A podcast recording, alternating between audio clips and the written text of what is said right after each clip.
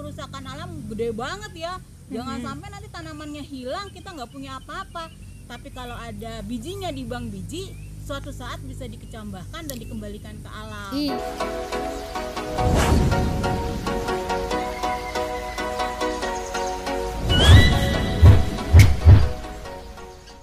Sudah.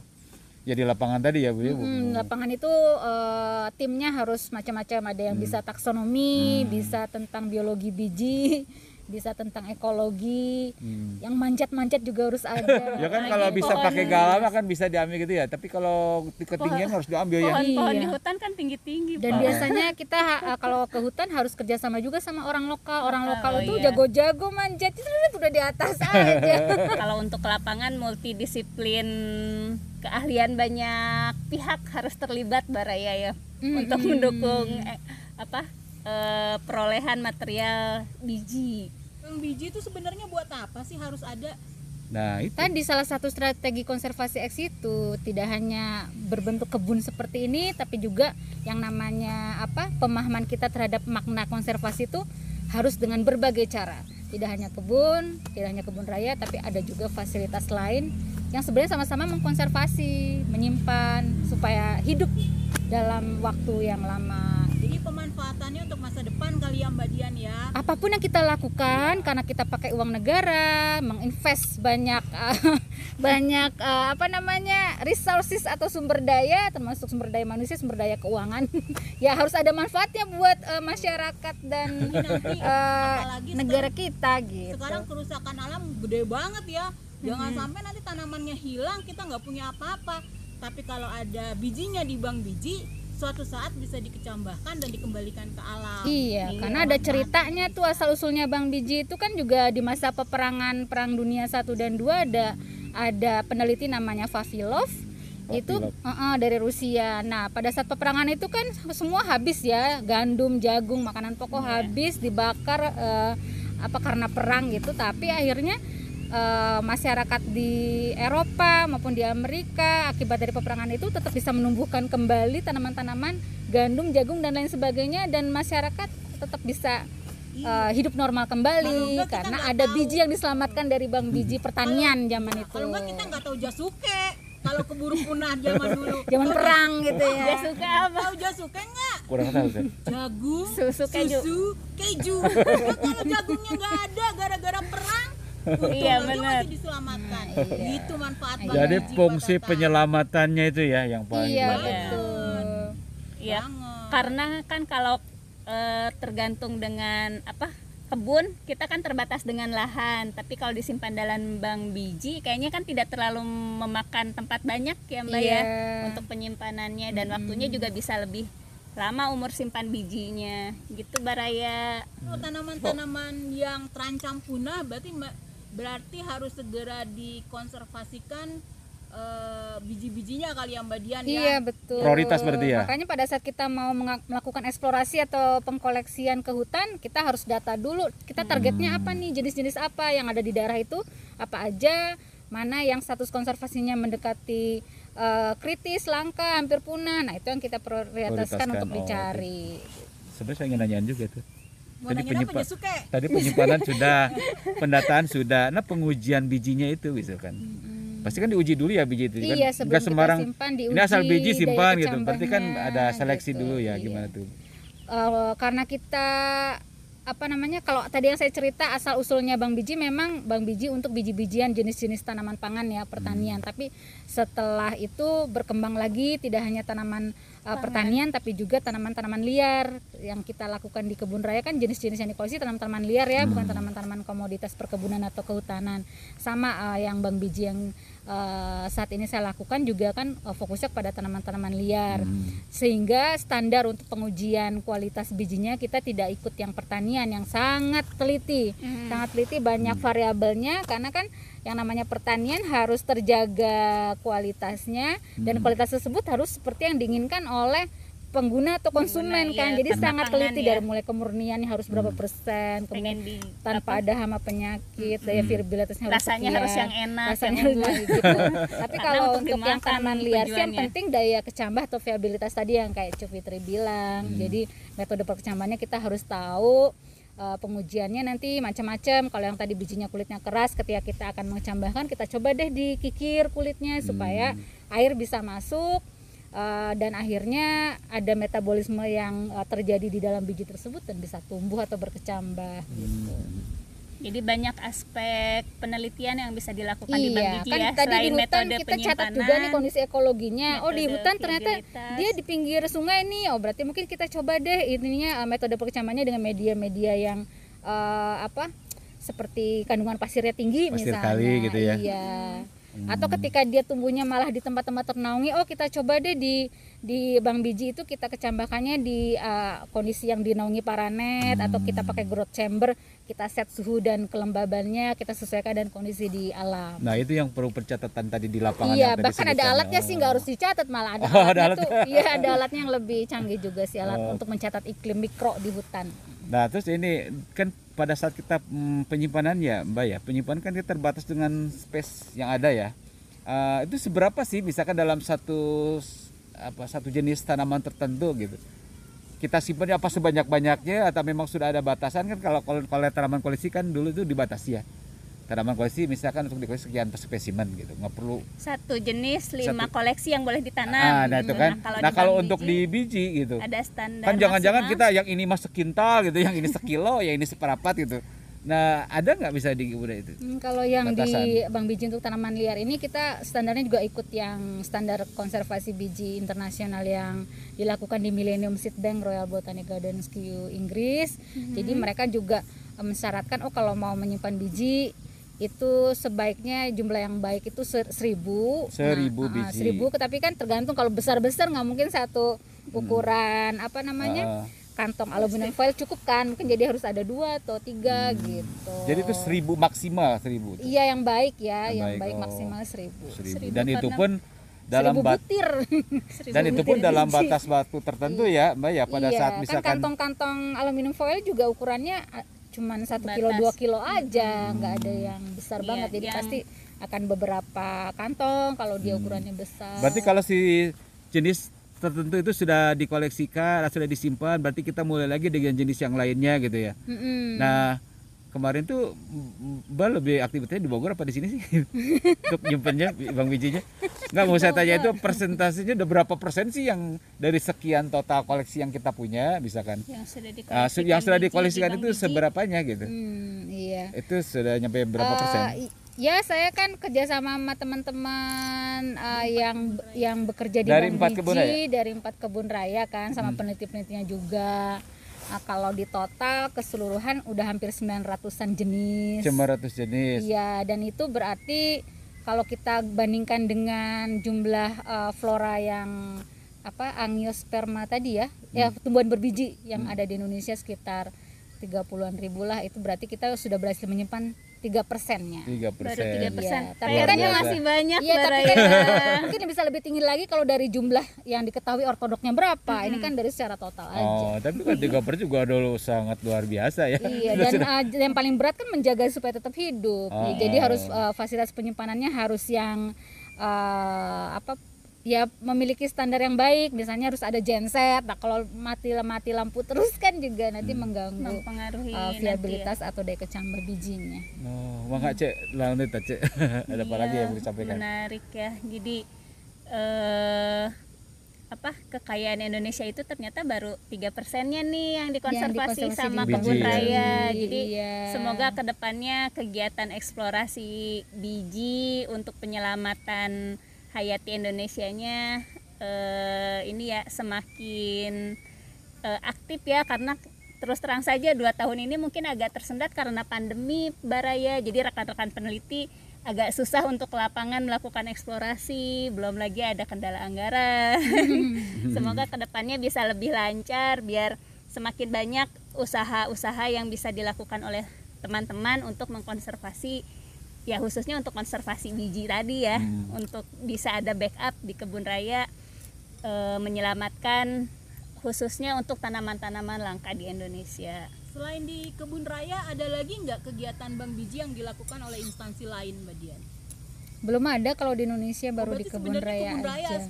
Oh, kalau instansi ya. lain kan pertanian ada di Oh, Kementerian untuk yang Pertanian di Cimanggu. ya? Kalau spesies hanya di Oh, kebun berarti raya kita aja. wild species, tanam uh, spesies liar. Kalau di pertanian memang khusus itu ya pertanian. Oh. Iya, ada yang kehutanan ada juga, cuman nggak pernah ada kami ke sana, ada dari staf kami ke sana juga sedikit aja. di level penelitian aja seperti ini. Iya iya iya. Tidak Kalau krio dihususkan. kriopreservasi itu apa sih Mbak? Kayak keren banget namanya. Hmm. Preservasi itu menyimpan bisa dari je- kultur. eh, embrio dari biji tersebut atau jaringan tanamannya eh, dengan di apa namanya dilindungi atau dibungkus oleh suatu zat kimia tertentu sehingga bisa tahan di suhu minus 196 derajat Dingin banget ya. Minus iya iya gitu. Suhu itu berasal dari nit- nitrogen cair. Pernah kan ngelihat film-film eh, ini Hollywood yang orang bisa eh, tahan dibekukan Iya, gitu iya, di iya. nitrogen cair nah kayak gitu Nah, bijinya oh, dimasukkan ke alat prinsipnya. yang seperti itu supaya tetap awet muda Oh, nanti dibangunkan tahun kapan-kapan gitu berarti ya. iya seperti itu bentuknya Berarti Iya. sebenarnya bang biji itu nggak cuma disimpan di, di dalam kulkas atau freezer, Freezer. kali ya bisa Mbak ada ya? cara lain teknik lain Keren ya. ya sangat Udah keren. kayak science fiction gitu loh. iya Bayangin coba ya di kaca gitu berembun gitu. Aduh. Iya. Mau bangun supaya awet Awet muda lah. Da- mulai dari sekarang kita simpennya. Dibekuin. Dibekuin. Eh, Habis bareng ada biji. Yang punya biji bekang tatang. Baik kita kembali lagi ke biji mungkin Cek, ada lagi yang ingin ditanyain? Iya, tadi menarik yang disampaikan sama Empok Anggun. Nah, terkait teknologi itu untuk di kebun raya sendiri sudah ada belum yang apa tadi metode penyimpanannya? Istilah- Cryopreservation. Nah, kreo itu. Iya, sebenarnya udah ditawarkan kalau di kebun raya Cibodas ya, cuman eh, SDM tersebut enggak kalau kriopreservasi kan di, eh, di awal aja mungkin ya. Oh gitu. Nah, ke depannya kan dia hanya butuh nitrogen cair tersedia aja gitu. Mahal nggak tuh? Awalnya saja mahal tapi selanjutnya eh, bisa menekan biaya. Cuman penelitiannya sih yang luar biasa. Kalau kriopreservasi itu sepertinya satu jenis mungkin spesifik. Oh. Ah, metode kriopreservasinya. Dia mungkin butuh perendamannya sekian eh, menit saja atau sekian jam aja. Beda dengan jenis yang lain gitu. Jadi di level penelitiannya yang eh, penuh perjuangan Perjuangan ya, semoga nanti kebun raya Cibodas Mm-mm. jadi yang ada saat ini baru itu. kebun raya Bogor sama kebun raya Purwodadi oh, baru dua kebun raya menyusul nanti. Tadi dari, dari apa yang disampaikan oleh Mbak Dian itu sebenarnya membuka apa ya? Membuka pengetahuan buat saya gitu, pengetahuan baru. Karena saya pernah ke herbarium, ya Mbak. Saya lihat biji banyak biji tuh, ya kan herbarium apa namanya kering, kemudian juga herbarium basah. Kemudian juga di situ ada koleksi-koleksi biji, ya. Sebenarnya itu mah hanya koleksi saja Iya udah sebenarnya. mati itu mah bijinya. Oh. Kita Beda. sebutnya sebenarnya beda. koleksi Biji. karpologi atau museum biji. Oh. Kalau yang di herbarium itu sengaja dimatikan justru. Matikan, iya supaya kita bisa ngelihat ngelihat keanekaragaman Sampelnya saja gitu, sampel lapangan. bentuk, warna. Jadi Pak Tatang bisa gitu. lihat biji yang kayak apa? Biji kayak saya. tit gitu. Biji yang kayak ada. Tadi namanya apa Mbak? Leo. Lodoisea. Lodoisea. Cari nanti Iya. Oh, kayak apa? Lodoisea. Seksi, Bo.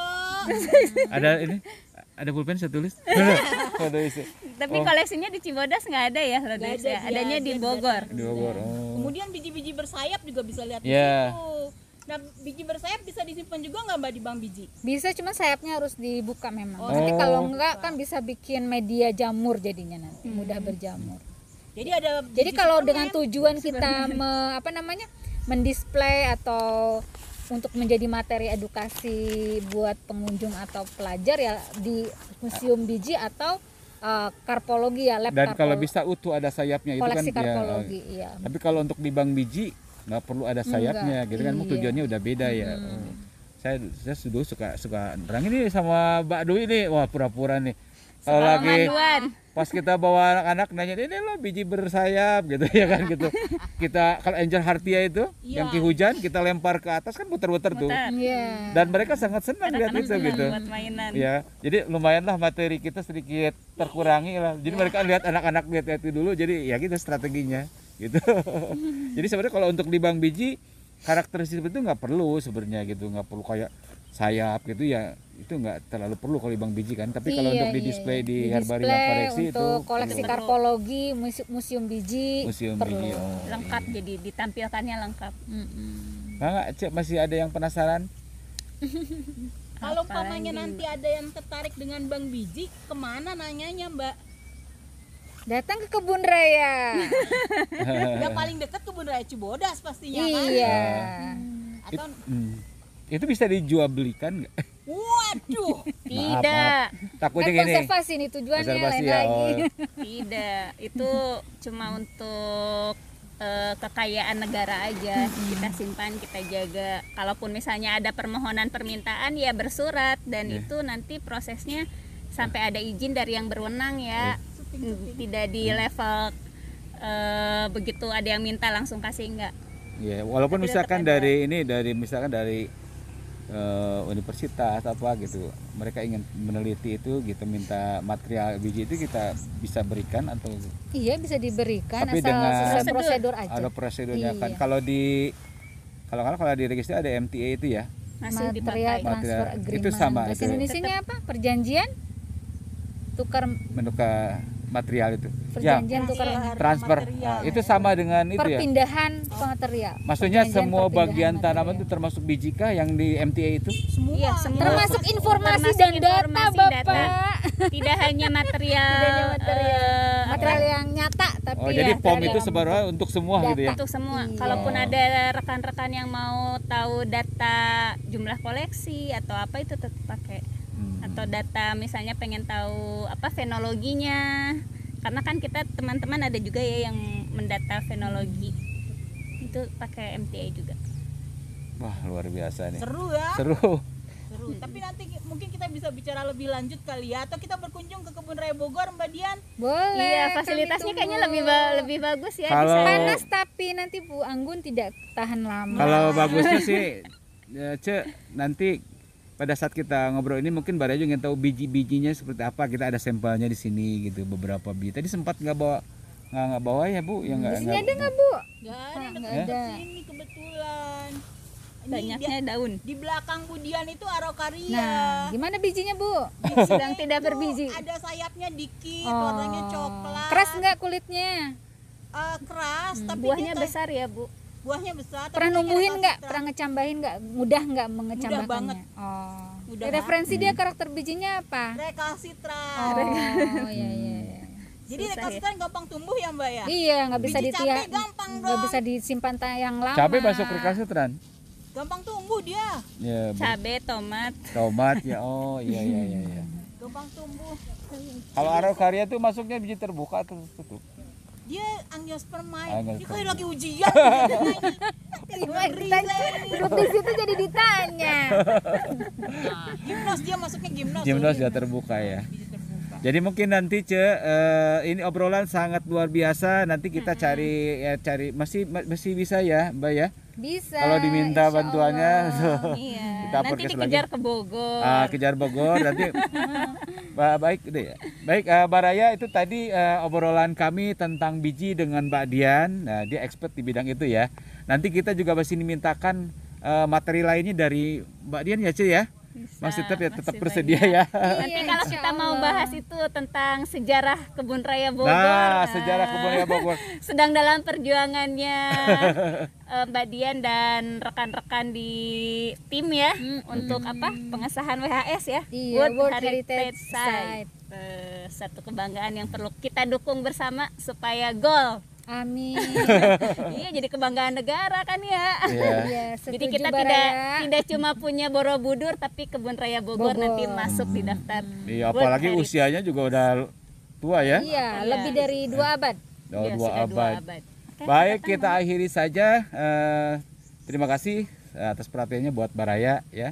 Eh, tapi tetap eh, fokus nanti tetap fokus jangan pindah-pindah channel tetap aja di eh, podcast tukang kebun Bewara, Bewara untuk Baraya. Dadah Baraya. Dadah. Terima kasih Mbak Dian. sama-sama